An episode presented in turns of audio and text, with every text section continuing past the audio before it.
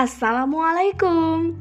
Jumpa lagi bersama saya Dita Aditya Pernikasari Mahasiswi Ilmu Komunikasi Universitas Muhammadiyah Yogyakarta Angkatan 2019 Jangan bosan ngedengerin podcast saya ya.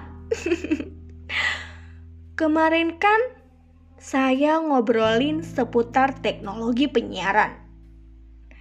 Hari ini saya mau ngobrolin apa nih? Ada yang tahu gak? Yuk, yuk, yuk, yuk.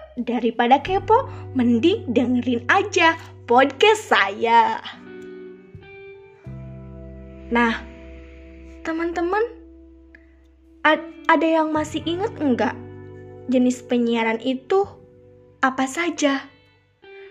Nah, kemarin kan Dita di podcast pertama membahas jenis penyiaran teknologi dan penyiaran. Ada dua tuh, ada radio dan televisi.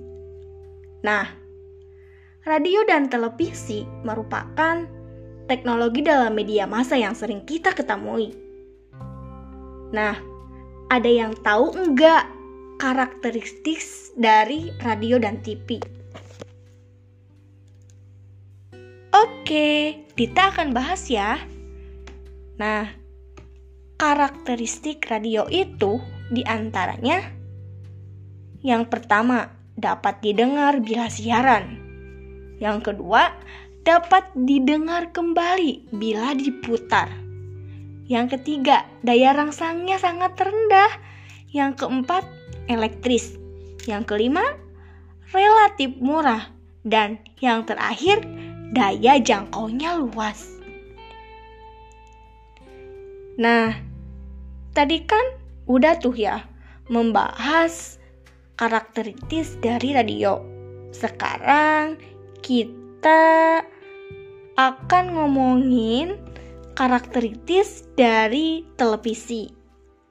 Yang pertama, televisi itu sebagai media budaya.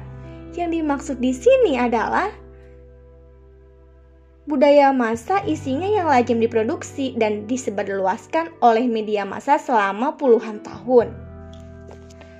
Jadi, televisi itu bisa dilihat dalam bentuk berbentuk audiovisual.